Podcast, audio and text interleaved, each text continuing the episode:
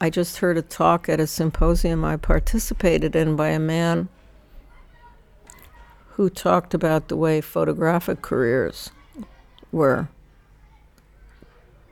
created by certain very powerful people.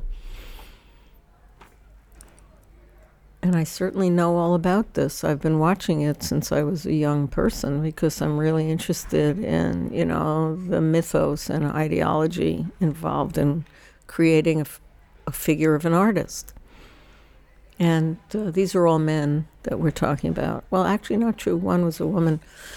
But I spoke to him afterward, and he said it's really worse than I presented it. I said, You showed a picture of such a small line of transmission from the kingmaker down to various photographers he wanted to promote, and then they picked up on certain ideas, and then he gave them shows and made them into giant careers. And he said, Yes, it's worse than you know. It's about an exclusionary process in which you create someone um, in order to exclude 90% of what's produced. And I always had that question about photography, which is since, and this is all the way back in the 60s and 70s, since photography is as common as grains of sand, how do you ever assign value to any particular image or career? And the answer is you do it. And that photography really has no value until you do it, and you do it by excluding certain categories and huge numbers of people. But the same, of course, is true of every art form. It's just that many more people have photographs than have paintings. Uh, and the, the price of entry into photography is nothing compared to painting, which in a way isn't really true. in a sense, actually, producing your first photograph costs infinitely more than producing your first painting because you have to invest in an apparatus, whereas in painting, you buy a canvas and you stretch it and you buy a few paints and you paint. And I mean, this is a dealer talking, not me, but an actual dealer saying, actually, you know, photography is actually much more expensive for someone to produce. And if you have someone else do the printing and the mounting and the framing, my God, that really puts on, you know, lots of money, which is all true. But the painting is what draws the big money because it appears to spring from the body of the artist in a way that photography doesn't because there's a mediating apparatus. Something that's fascinated me since I started thinking about photography is, you know, the invention of and the mediation of the, the photographic apparatus and the way that trained curators and critics try to talk as though there was no camera involved.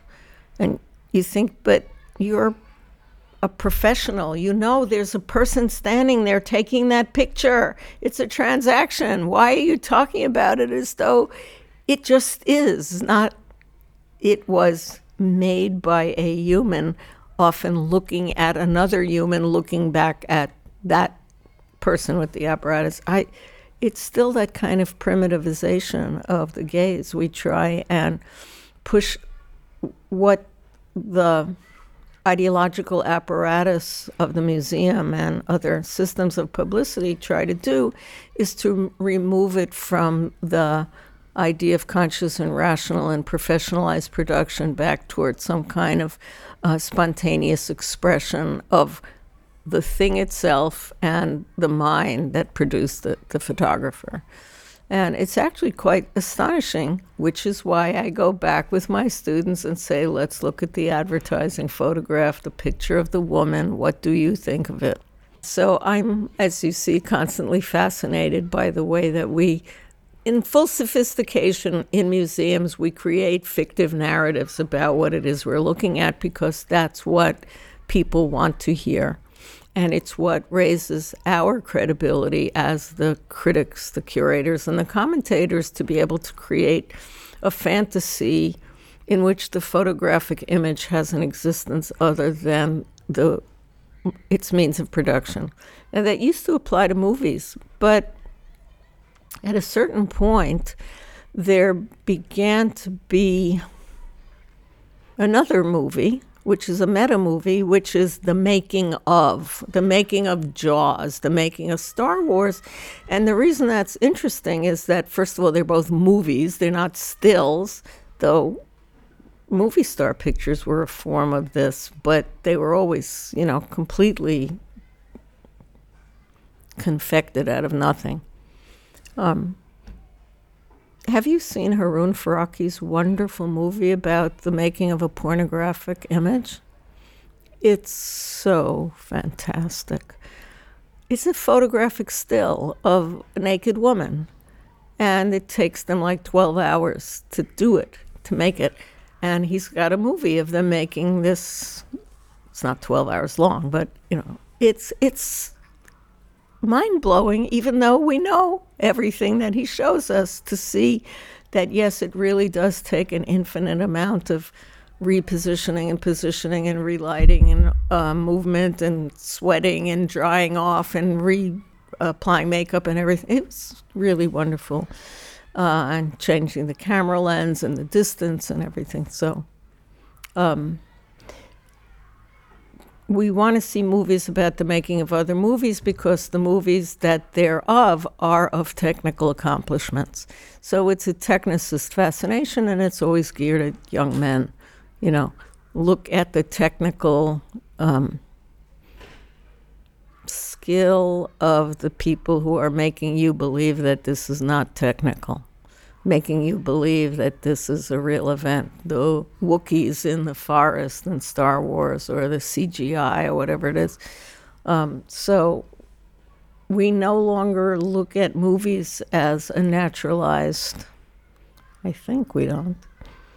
By and large, we understand that movies are not real in a way we once used to think they were kind of real, but still images, you know. There's, you know, there because they have iconicity in a different way. The iconicity of the still, as Walter Benjamin and so many others have pointed out to us, um, and uh, Roland Barthes uh, is a very particular kind of fixity. Uh, its relationship to lack of movement, which is what I've been fighting against forever. Uh, I both uh, love it and need to constantly push against it. But so does every other photographer, I think. Everybody who works with the tools is always pushing against the thing that it offers you without stress. You can have this image, but there you have to go ahead and mess it up just to prove that you're better than the apparatus. And it's what Beauvoir told us about the one and the other because men are always what they are, which is actually existing stable subjects, and women are contingent beings who may or may not exist at the next moment in time because their existence is dependent on the approval or the creation of a male. So they're either Svengali and Trilby, or they're just somebody who just didn't make the grade and couldn't hang on to a productive life. It bothered me that in my circle of friends who were mostly male, I was contingent and invisible often. Even at the very moment that they insisted I wasn't, I was. Plus, I had a child, which annoyed the daylights out of them. It just really annoyed them that I had a kid around. However, um, it was still a productive relationship, but there was often an effort to dismiss, denigrate, or, and here's a very potent weapon against women, and it's very commonly used against women in science. I don't understand what you're saying. Your idea is really stupid that's meaningless. You know, this either overt or covert idea that you're just being quirky and, you know, that that's a, it's not a solid thought you're having. It's just some wispy idea that isn't fully developed and so on. And I ran into that a lot. But my secret was that I didn't care what the art world thought. I had absolutely no concern and still really can hardly. I'll stop every once in a while and go, damn it, this is so annoying. But on the whole, I'm always willing to walk away and say, if you don't do it the way I need it to be done. And I'm actually, I have a lot of latitude and I let curators have a lot of latitude, but there are certain baselines. If they cross it, I will say, I'm sorry, I'm canceling the show. And I make that plain. I haven't had to do it mostly, but what I'm saying is that internally, I don't feel like I have to capitulate and I don't depend on the approbation of the art world for me to feel like I know what I'm doing and I care about what I'm doing. And it took me a while to realize that that was a little bit unusual.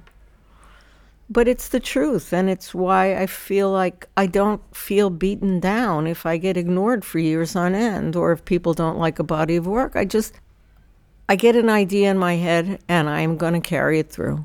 I'm just going to do it. What I'm saying is that there's such a rich selection that it's too bad that more of it doesn't get shown in museums and in, and galleries, and instead we're looking at things that you suspect is there because someone on the board of the donors, especially in U.S. museums, where donors are rich people who have enormous amounts of power over what gets shown and what gets said and it's a very deadening effect. So then people start, you know, I guess this is the idea of the Kunstverein, you know, artists get together, but Americans don't do that. They depend on rich people to show their work.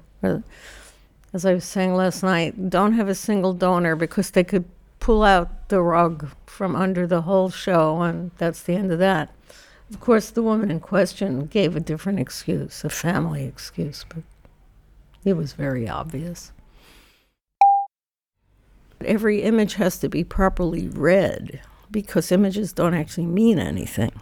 You know, as I said, we have a primitive response because we're mammals and we need to recognize faces. But to actually understand something requires some relationship to a linguistic framing. And we need to convey that somehow by the different array of objects in front of which or in conjunction with we stand. And one of those is photos of your food, which is also actually a bizarre enterprise. I used to fly on airplanes and take pictures of the food that I was served. But now everyone takes pictures of everything that they're served. They're boasting about their food, whether they made it or they're in a restaurant and look at this. It's very tiresome.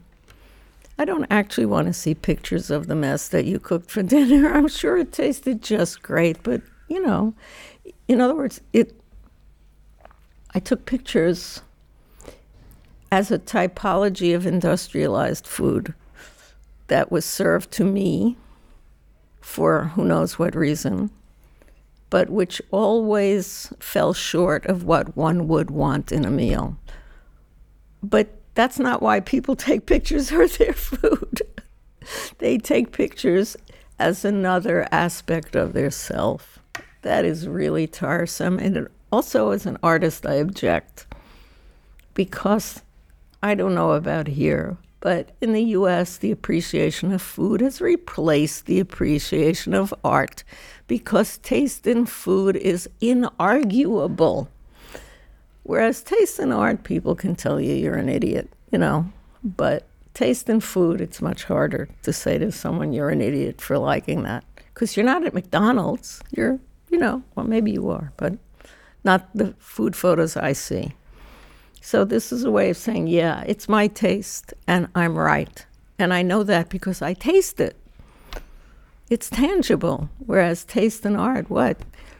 You like Miro? What's the matter with you? This is not art.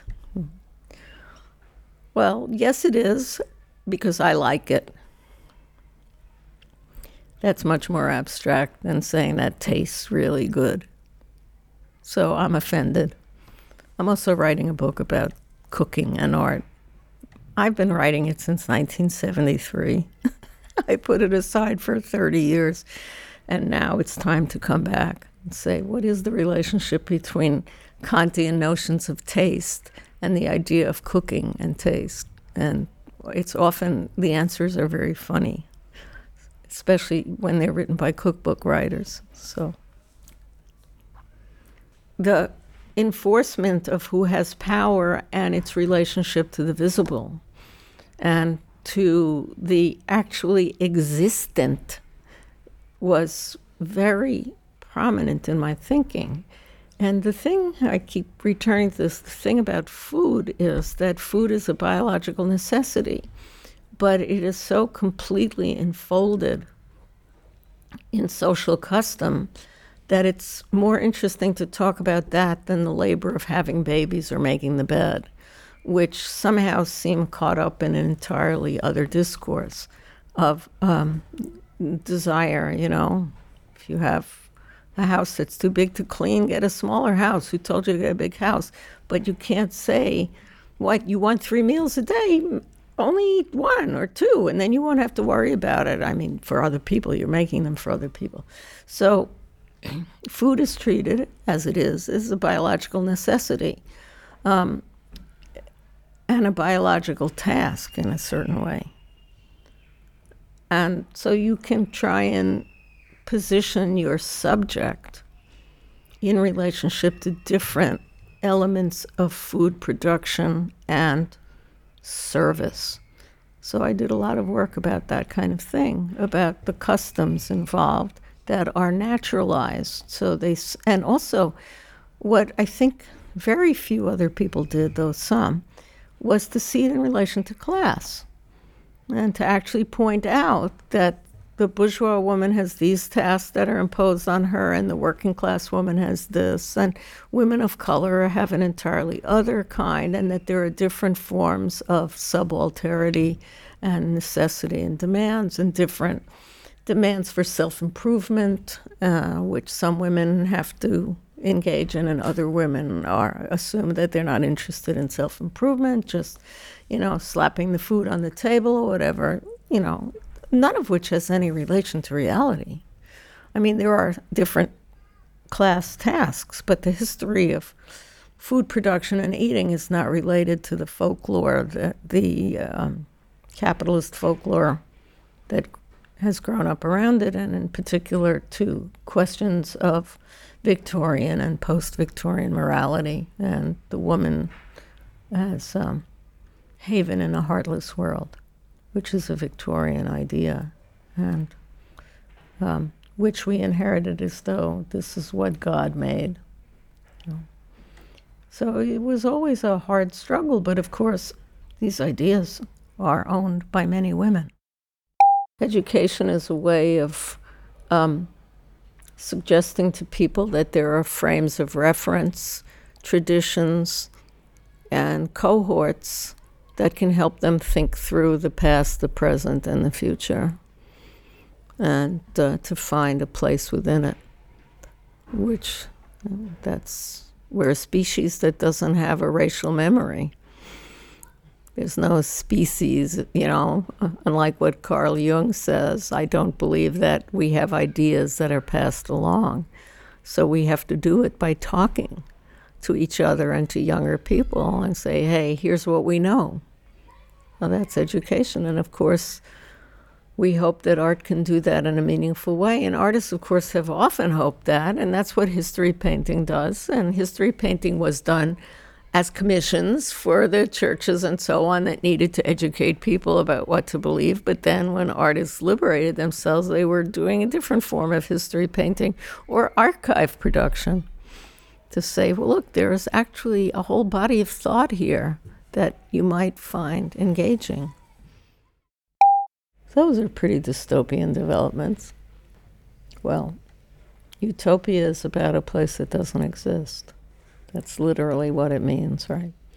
So to say that something is the end of utopia is perhaps the end of a vision of how to get to a society that we and our children will be more comfortable in. But that doesn't mean that the desire to develop those things has disappeared.